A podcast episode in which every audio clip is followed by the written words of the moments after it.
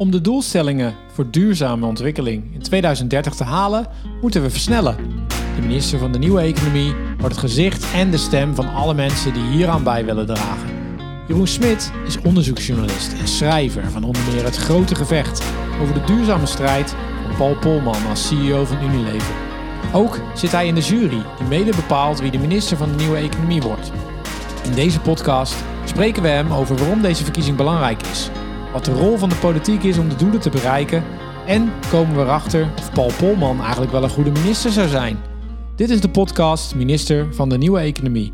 Mijn naam is Michel van Kats. Jeroen, van harte welkom. Laten we beginnen bij, uh, bij je boek. Wat is uh, uh, bij, tijdens het schrijven van, van jouw boek over Paul Polman de belangrijkste les die je geleerd hebt op het gebied van, van duurzaamheid? De belangrijkste les die ik uit, uit, zeg maar, uit, het schrijven van het, boek. Het onderzoek inderdaad naar Unilever en Paul Polman, de belangrijkste les die ik heb geleerd, is dat duurzaamheid volstrekt logisch is. Ja. dus dat, um, dat uh, in het woordje zelf zit ook, als je er over 10, 20 jaar nog wil zijn, moet je nu, op, moet je nu zorgen dat je wat je doet, Ja. zich op die lange termijn ook richt. Ja. En dat vond ik ook het bijzondere van Paul Polman, die CEO was van Unilever van 2009 tot 2019. En die in 2010 het Unilever Sustainable Living Plan introduceerde. En het bijzondere van dat plan was enerzijds dat er allemaal duurzame doelen in zaten. We gaan een miljard mensen helpen met het verbeteren van hun hygiënische levensomstandigheden. We gaan miljoenen boeren uit de armoede halen. We gaan onze afval uh, halveren, afvalberg als gevolg van de consumptie van onze producten. Dat zijn er een hoop. Mm -hmm. 200 miljard producten per jaar maakt Unilever om je een idee te geven. Mm -hmm. Dus dat is het ene, hè, dat, dat, die doelstellingen. Maar wat het vooral ook bijzonder maakt, is dat die doelstellingen in 2010 werden gelegd in 2020. Mhm. Mm -hmm. En voor een groot, zeker een groot beursnoteerd bedrijf als Unilever, is dat reuze spannend. Ja. Omdat als je beursnoteerd bent, dan word je eigenlijk geregeerd door de koers van, van je aandeel. En die gaat, ja, dat gaat van dag tot dag. En Ja. je, je, je, stuurt heel erg op, op, op um, kwartaalresultaten, op korte termijn resultaten. En Mhm. eh, dat soort um, uh, CEO's, bedrijven, willen in control zijn. Dus um, op het moment dat het over duurzaamheid gaat, dan moet je de moed hebben om je op de lange termijn te richten. Ja.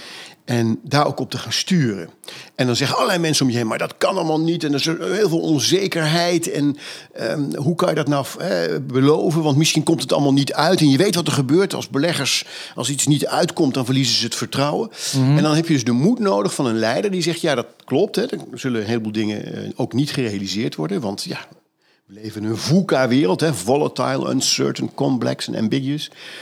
Dus ja, er zal een hoop niet uitkomen. Maar door dit uh, als doel, als hoogste doel te stellen, hè, zorg ik voor richting, zorg ik voor beweging, Ja. voor inspiratie. Willen hele goede mensen hier komen werken omdat ze geïnspireerd zijn. Mhm. Uh, en kunnen we uh, langzaam maar zeker toch die stappen gaan zetten. Plus zegt hij, heel simpel, een voorbeeld. Hè, en dan Polman, CEO Unilever in der tijd, gaf heel veel lezingen. En in die lezingen zei hij vaak... Er gaan vanavond weer 800 miljoen mensen met honger naar bed. Ja. En dat is onze verantwoordelijkheid. Ja. Nou, dan zat er zo'n zaal met, met CEO's en eh, bankiers. Zijn ze niet gewend te horen? Jeetje, Mina. Nee. Maar toen zei hij ook van, luister. Ook voor de aandeelhouders is dit interessant. Want als wij 800 miljoen mensen uit de armoede halen in de wereld... dan gaan ze ja, uh, ook uh, Magnums eten en, en knor en, en Ja. deodorants gebruiken. Dus, 800 miljoen nieuwe klanten. 800 miljoen nieuwe klanten. Hè? Dus, en dat moet op een duurzame manier doen. Even, Ja. hè? Maar dus hij probeerde op die manier steeds te laten zien... dat alle stakeholders er belang bij hebben... dat die lange termijn doelen leidend worden. Ja, precies. Nou, en die lange termijn doelen die zijn natuurlijk vastgesteld. Uh, we hebben de prachtige SDG's bijvoorbeeld. Um, Waar Polman en Brian Cohen heeft gespeeld bij de samenstelling daarvan. Precies, Ja. uh, wat hartstikke mooi is natuurlijk. Um, uh, ik hoor jou zeggen dat het dus gaat om, uh, om lange termijn centraal zetten, ook binnen organisaties, ook hoe groot zo'n organisatie ook is. Heb jij ook um, een koppeling gemaakt in tijdens het schrijven met het boek met wat dan de rol van de politiek daarin zou moeten of kunnen zijn? Ja, nou toen ik, toen ik eraan begon in 2017, naar aanleiding van de poging van Kraft Heinz om Unilever over te nemen. Dat was het spanningsveld waar ik als journalist opgewonden door raakte. Ja. Wat is de ruimte van Paul Polman om die duurzame doelstellingen overeind te houden? Um, toen ik eraan begon, dacht ik, had ik me dat niet zo gerealiseerd. Maar al werkende, denkende, kwam ik erachter dat um, de doelstellingen, de logische doelstellingen, zoals Polman die in de tijd formuleerde, en, en steeds meer nu worden omarmd gelukkig, die hebben een sterke overheid nodig. En dat is Mhm. volgens mij ook een nieuw. eh, en waarom een sterke overheid? Omdat ehm, ondernemers hebben regels nodig. Ja. En dat vind ik eh, ergens ook teleurstellend. Hè? Want je zou willen dat iedereen vanuit intrinsieke motivatie, purpose, betekenis... Mhm. allemaal eh, in een, soort stevigheid ontwikkelt om het goede te doen. Ja. Een force for good te zijn. Mhm. Maar als iets mag en je kan er geld mee verdienen... en je noemt jezelf ondernemer... dan is het ontzettend moeilijk om dat dan niet te doen... omwille van de toekomst. Hè, dat is, dus je hebt een overheid nodig die dat speelveld ehm, eh, definieert, waardoor ondernemers zich veilig voelen. Ehm, eh, eh, ik zal een voorbeeld geven wat nu in de actualiteit speelt: ehm, de suikertax. Staatssecretaris Blokhuis, een paar weken geleden in het nieuws, zei: Nee, ik ga, dat niet, ik ga, niet, ik ga niet een belasting op suiker doen. Want ik heb met de industrie afgesproken dat ze zelf met voorstellen zullen komen en dat gaan reguleren. Ja. Nou, hartstikke goed bedoeld. Iedereen wil hetzelfde, denk je dan. Eh, kijk, we kunnen met elkaar vaststellen dat er veel te veel suiker zit in eh, allerlei, eh, met name frisdrank en allerlei andere producten. En suiker ongelooflijk ongezond is. COVID onderstreept dat nog eens een keer. Hè? Ja. Met, met de- de- te, te, mensen die te, te zwaar zijn. Nou, dus Blokhuis stuurt er dan op hè, dat die industrie dat gaat regelen. En de industrie heeft hem laten weten dat ze op schema liggen, dat ze goed bezig zijn. Mijn stelling is dat je dan eigenlijk in de kern niet begrijpt dat die concurrerende spelers hè, op dat veld, hè, neem neem even de frisdranken, elkaar natuurlijk de hele tijd in de gaten houden. Ja. En ehm, zich pas echt gaan inspannen om die, die suiker eh, te reduceren. op het moment dat er een wet is die ze daartoe verplicht. Want dan weten ze, nu moet de concurrent ook. Nu moeten we allemaal ons houden aan die wet. En dat maakt dat ze zich veilig voelen. Hè, ehm, in Engeland werkt het. Daar hebben ze zo'n wet hè, sinds een paar jaar. En is de suikergehalte in een heleboel producten met 20, 30 procent afgenomen. Ben van Beurden, de CEO van Shell, ik maak even een sprongetje, heeft geen enkel probleem met een enorme belasting op CO2-uitstoot. Heeft hij geen enkel probleem mee. Dat is één voorwaarde. De hele wereld. Als de hele wereld daar een afspraak over maakt... en ook hè, de, de, in, het toezicht is op alle concurrenten in het hele veld... dat ze die belasting gaan betalen... is ook Ben van Beurden, de CEO van Shell, daar hartstikke voor. Ja. Maar wel iedereen. Want op het moment dat het alleen in Nederland gebeurt... of in zijn geval zelfs alleen in Europa... dan zegt hij ja, concurrenten uit Amerika, Rusland, China, whatever... die gaan gewoon toch hun gang. En daar kunnen we dan niet meer mee concurreren. Het speelveld is dan eh, kapot. Ja. Dus een sterke overheid, dat is iets, hè, een overheid die het aandurft, zoals nu met de Green Deal in Europa, het klimaatakkoord ligt er natuurlijk, ehm, om eh, een en ander ook echt in wetten vast te leggen en Ja. eh, daardoor bedrijven te helpen eh, met de inspanning om een duurzame draai te maken. Ja, dus dat level playing field zou je kunnen zeggen. is hè? het, ja. Ja, dus dat duurzame ondernemers op een gelijk speelveld kunnen ondernemen met... Dat alle Ja. ondernemers een gelijk speelveld hebben. Ja. En door dat speelveld ook worden gedwongen om daarmee aan de slag te gaan. Hè. Dat wordt dan een uitdaging natuurlijk. Hè, om, daar, om daar eh, te investeren in nieuwe technologieën, in, in nou ja, besparingen, whatever. Dus, maar op het moment dat het niet hoeft, voelen ze zich onveilig. En ehm, eh, zullen ze inspanningen leveren zolang ze het zich kunnen permitteren. Maar op het moment dat het moeizamer wordt, zoals nu in deze tijd, veel bedrijven hebben het lastig. Ja, dan, eh, waarom zouden ze zich... Ja, als het dan niet hoeft, ja, je kan toch een paar centen nog verdienen. Ja, nou ja. En is dat, is dat dan ook een verhaal wat jij... Ik, bedoel, ik kan me voorstellen dat je veel met ondernemers ook spreekt als bedrijfsjournalist. Eh, is dat een verhaal wat je hoort van, van, van ondernemers die zeggen van... Ik, ik wil juist wel heel erg eh, met een CO2-prijs rekenen. Of ik wil juist wel eh, nou ja, die suikertax bijvoorbeeld doorvoeren. Maar, maar, ik, maar de overheid houdt mij daarin tegen. Is dat iets wat je, wat je herkent? Nou, eh, dat is altijd wat lastiger. Ehm, je, zegt, je noemt me steeds bedrijfsjournalist. Dat klinkt altijd als iemand die in dienst is van een bedrijf... en daarin daar journalistiek voor... Dat is natuurlijk niet helemaal het geval. Nee, maar ehm, ik ben gewoon onafhankelijk... eh, hè, ik doe mijn eigen ding, zal ik maar Ja. zeggen. Maar om dat nog even te onderstrepen... Kijk, wat mij opvalt is dit. Misschien is het aardig om dat nog eens te onderstrepen. Je hebt, wat ik mij opvalt is dat veel mensen die eh, in zo'n rol zitten, die je net schetst, ondernemer zijn, eh, manager zijn, een verantwoordelijkheid hebben, die lijken soms wel ehm, twee integriteiten te, te, te, te moeten hanteren. Hè. De, als mens, als vader, moeder, als burger, als vriend, vinden ze dat echt hè, belangrijk. Minder suiker of eh, het milieu, of uh, daar moeten we nog met z'n allen aan werken. En onze kinderen en onze kleinkinderen en de toekomst. En belangrijk, we hebben het wereld alleen van onze kinderen. Zeggen ze Ja. allemaal mooie dingen. Ja. Maar op het moment dat ze dan naar de zaak gaan, dan komen ze in een andere werkelijkheid en dan zeggen ze ja, ja, dat vind ik wel. Maar ja, hier eh, kan ik me dat niet permitteren. Hier moet ik gewoon ook een boterham verdienen en eh, Ja, ja, is concurrentie. dat is concurrentie Ja. en dan loopt de klant weg en eh, ja, dus dan, dus, dus nou, dat spanningsveld en dat vind ik ook het mooie van Polman, hè, de hoofdrolspeler in dat boek. Die zegt als het waar, die zegt, er gaan zoveel mensen als acteur naar hun werk, niet als zichzelf. En wat ik eigenlijk wil is dat iedereen als zichzelf naar dat werk kan gaan. En als je als je zelf naar dat werk kan gaan, dan worden de, de, de zaken waar we het net over hadden, die je echt belangrijk vindt, worden dan ook leidend. Ja, Hè, dus dat vind ik ook wel een mooi. Die, die, die, als het ware die twee integriteit, hè, de persoonlijke integriteit en de professionele integriteit, legt hij dan op één noemer zo goed mogelijk. Ja. En helemaal lukt dat nooit, maar het is toch, denk ik, een mooi, eh, een mooi streven. Dus wat ik vooral proef bij mensen die hierover spreken, is dat ze het aan de ene kant wel heel graag willen, maar dan komt er altijd een grote maar. Ja. Nou, en die grote maar, daar heb je een overheid, denk ik, nodig. En bij voorkeur op zijn minst Europese schaal zou ik, hè, met een kleine Nederlandse open economie, is natuurlijk al heel vaak geconstateerd, moet je eh, toch voorzichtig zijn. Dus ik zou ehm, heel graag de, de Europese agenda daarin eh, leidend laten zijn.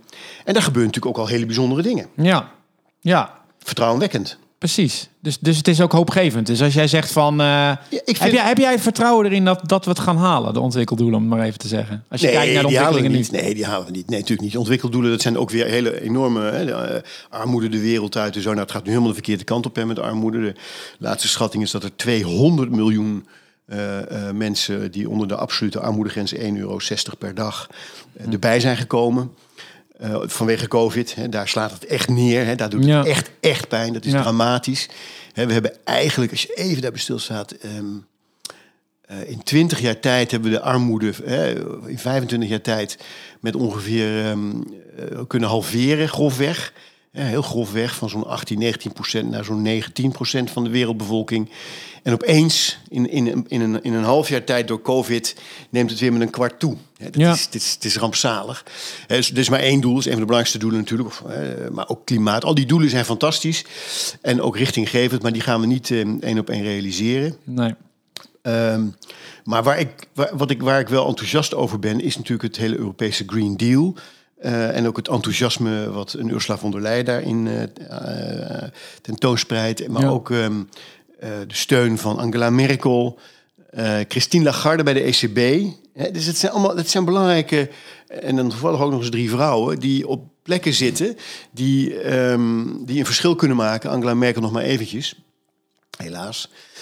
Maar daar, daar word ik dan wel opgewekt van. Dus de, een van de laatste gedachten die ik meekreeg vanuit het Europese, waar ze nu aan werken, is om bijvoorbeeld voor heel Europa ehm, een bepaalde omschrijving te maken hoe je op een duurzame manier staal produceert.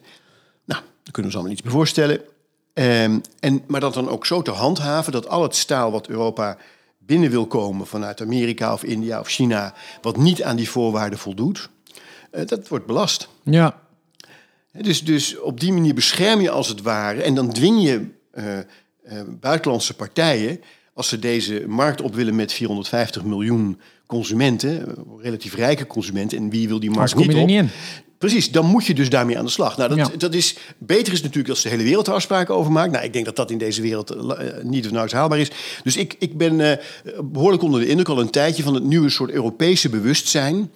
eh, wat hier groeit. En ik denk dat Nederland als nou, behoorlijk sterke economie, eh, maar ook een hele open economie binnen Europa, daar eh, eh, enorm bij aan moet haken. En Ja. daar misschien zelfs wel voorop kan lopen. Nou, en laten er nou in maart 2021 eh, Tweede Kamerverkiezingen komen. Zo, zou het niet mooi zijn als we, een, als we daar in, in het volgende kabinet de minister van de Nieuwe Economie zou zitten? Ja, nou ja, in feite is natuurlijk de samentrekking van klimaat en economie in de, in de portefeuille van Erik Wiebes is een poging om die dingen bij elkaar te brengen, zou ik Ja. maar zeggen. Hè? Dus Ja. die, die is nog niet helemaal geslaagd de afgelopen paar jaar.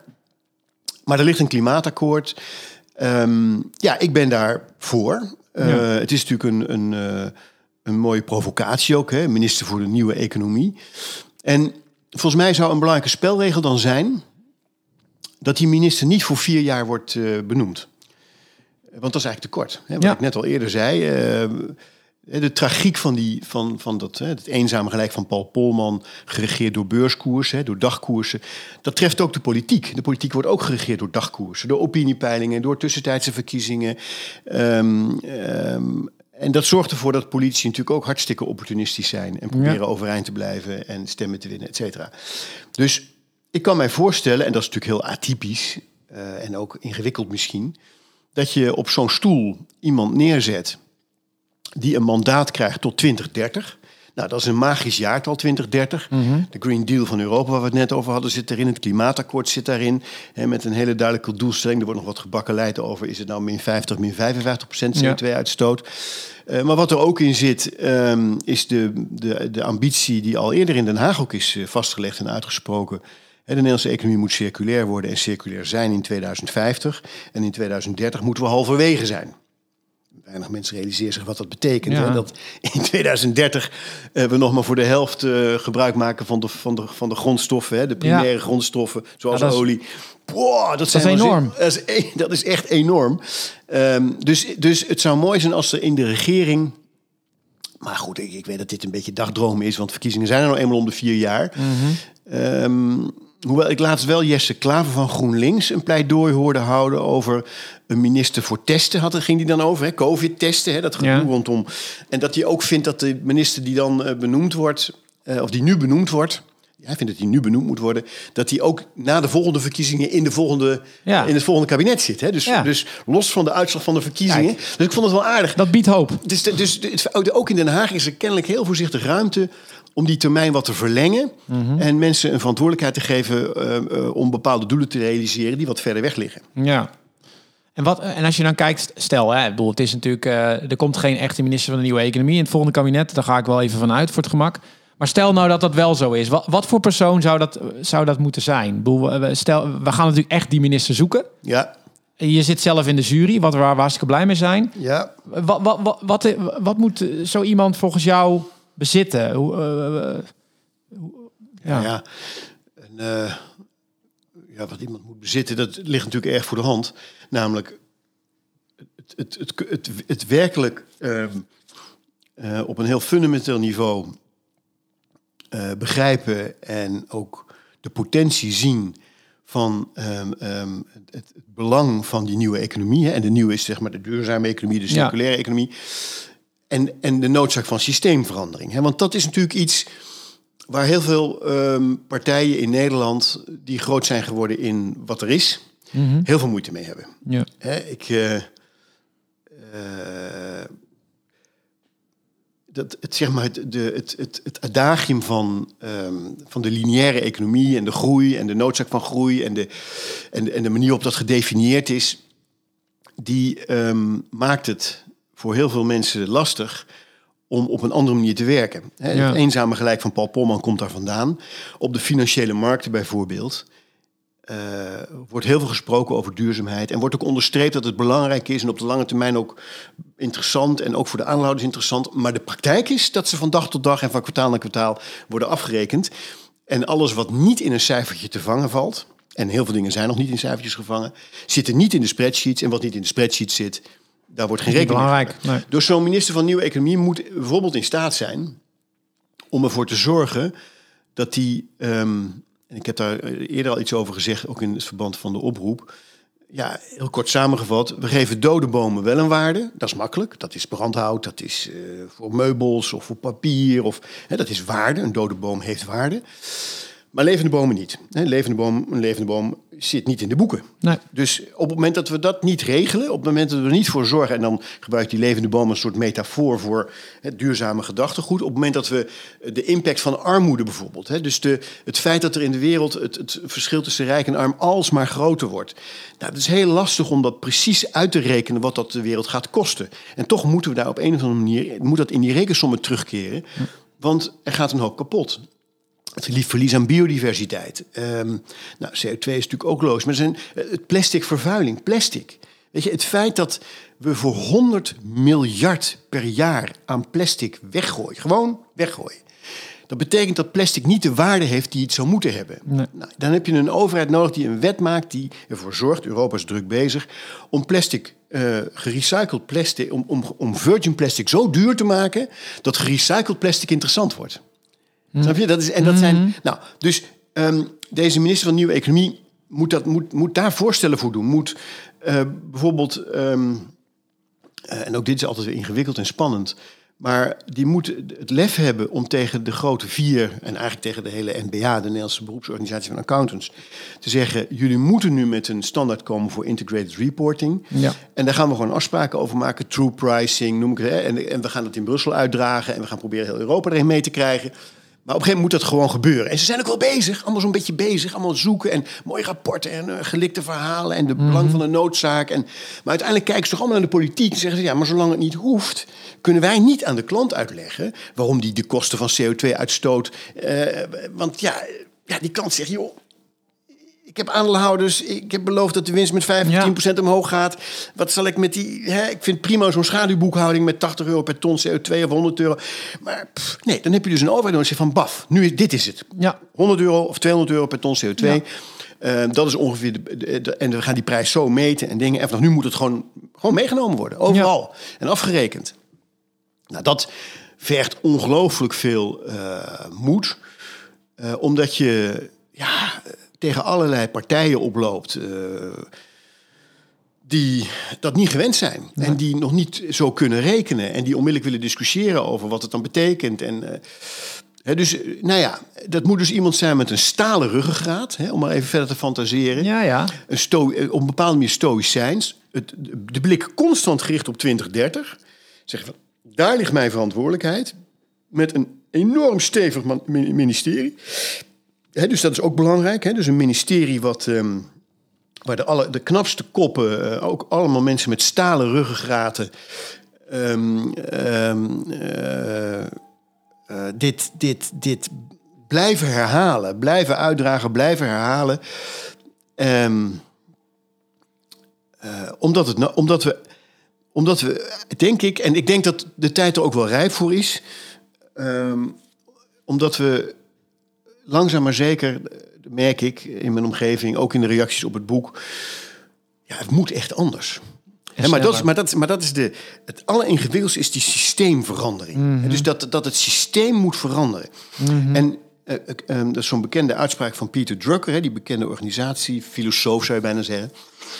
Die zegt: ja, culture eats strategy for breakfast.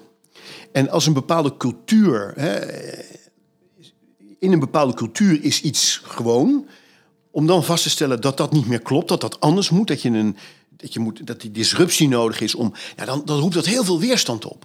niet, niet omdat het niet logisch is, want het is wel logisch. En, en sterker nog, heel veel mensen begrijpen die logica ook. Maar vooral omdat mensen 10, 20, 30, 40 jaar gewend zijn geweest om op een bepaalde manier te redeneren, te denken. ehm, en ze het als een affront bijna beschouwen dat dat niet meer klopt. Ja. Dat, dat doet pijn. Van, maar heb ik het dan, heb ik het dan niet goed gedaan al die tijd? Dus de, de weerstand, de, de, de, de bijna fysieke Daar weerstand. moet je tegen kunnen. Ja, daar, en- ja, en om dat te bewerkstelligen moet je eh, dus ook niet al te boos worden op mensen die, daar, die dat niet zien zitten of die in de re- op de rem gaan trappen. Precies. Maar je moet de capaciteit hebben naast die stalen ruggengraat om een arm om die mensen heen te slaan. Omdat in de Verbinden. kern, ja, die mensen zijn in de kern gewoon bang. Ja. Bang voor wat ze niet kennen. Ja. Ze- moeten iets gaan doen wat ze niet kennen. Iets ongrijpbaars. Iets, iets, iets, iets wat een risico met zich meebrengt. Wat heel veel gaat opleveren op de lange termijn. Met name ook voor toekomstige generaties. En dat begrijpt ook iedereen, herhaal ik nog maar een keertje. Maar om het dan ook te gaan doen... Ja, Ja, het is extreem lastig. is ontzettend lastig. Enerzijds moeten we dus eh, sneller. We moeten sneller om die doelen te halen. Maar anderzijds moet je ook niet te snel gaan. Want dan, eh, ja, dan, dan gaan mensen niet mee. Nou ja, en, en wat ze dus constant doen, is ze roepen: kijk naar de buren, kijk naar de overburen, kijk naar. Hè, we moeten niet gekke Henkie zijn, we moeten niet te ver voor de troepen uitlopen, we moeten daarin. eh, Ja. hè, dus dat, ook dat het is een balanceeract, absoluut. Ja. En ik denk dat de tijd er rijp voor is. Ik denk Ja. dat het. het hè, dus nog een kenmerk, maar ik heb ik eigenlijk impliciet al gezegd, is aanhaken bij Europa. Ja. En Europa sterk maken hierin. Want ik Ja. denk echt dat, dat, dat dit. ehm, dat het alleen maar succesvol kan zijn als het minimaal op Europese schaal gebeurt. Ja. En weet je, met 450 best vermogende consumenten gemiddeld genomen, zeker als je het in de rest, met de rest van de wereld vergelijkt, kan dat ook heel goed, denk ik. Kunnen we het heel goed in een in Europees verband. eh, en als in 2030 Europa hierin eh, ehm, echt voorop loopt, dan, dan, dan nemen we misschien de rest van de wereld ook nog wel mee. Ja. Oké. Ja, interessant. Ik zit nou één laatste vraag zit ik te denken. Zou Paul Polman een goede minister zijn? Nee, dat denk ik niet. Nee? Nee, dat denk ik niet. Ik denk dat. ehm eh, daar heb je toch. Ja, je hebt daar toch ook een politiek. Er moet toch ook iemand met, zeg maar, een, gevoel voor politiek, eh, Ja. politieke verhoudingen. En ehm, zoals we Paul Polman ook in Nederland hebben gezien rondom de dividendbelasting, zegt dat woordje nog iets? Ja. Eh, heeft, hij, heeft hij, laten we zeggen, behoorlijk ehm, ja, ook onhandig geopereerd eigenlijk. Ja. En, eh, en ook was hij ook geïrriteerd over het onbegrip. En, en, en ehm, wat ik al zei, de, de kunst is om je tegenstander te omhelzen op een bepaalde manier, te omarmen. Hè? Laten we even de anderhalve meter regel in onze fantasie loslaten en dat het weer mogelijk wordt. Maar het gaat me even om het idee dat je mensen ook ehm, ja, hun, dat ze zich veilig voelen bij dat nieuwe. Ja. Dat is de kunst. Dat is Ja. de grote kunst. Ja. Van je raakt niks kwijt, je krijgt er iets bij. Maak je geen zorgen. En je, bent je toont je een echte leider. Hè? Als je nu op je 40ste, 50ste, 60ste die draai alsnog maakt. Hè, dat getuigt van leiderschap. Maar maak je geen zorgen, we gaan je helpen.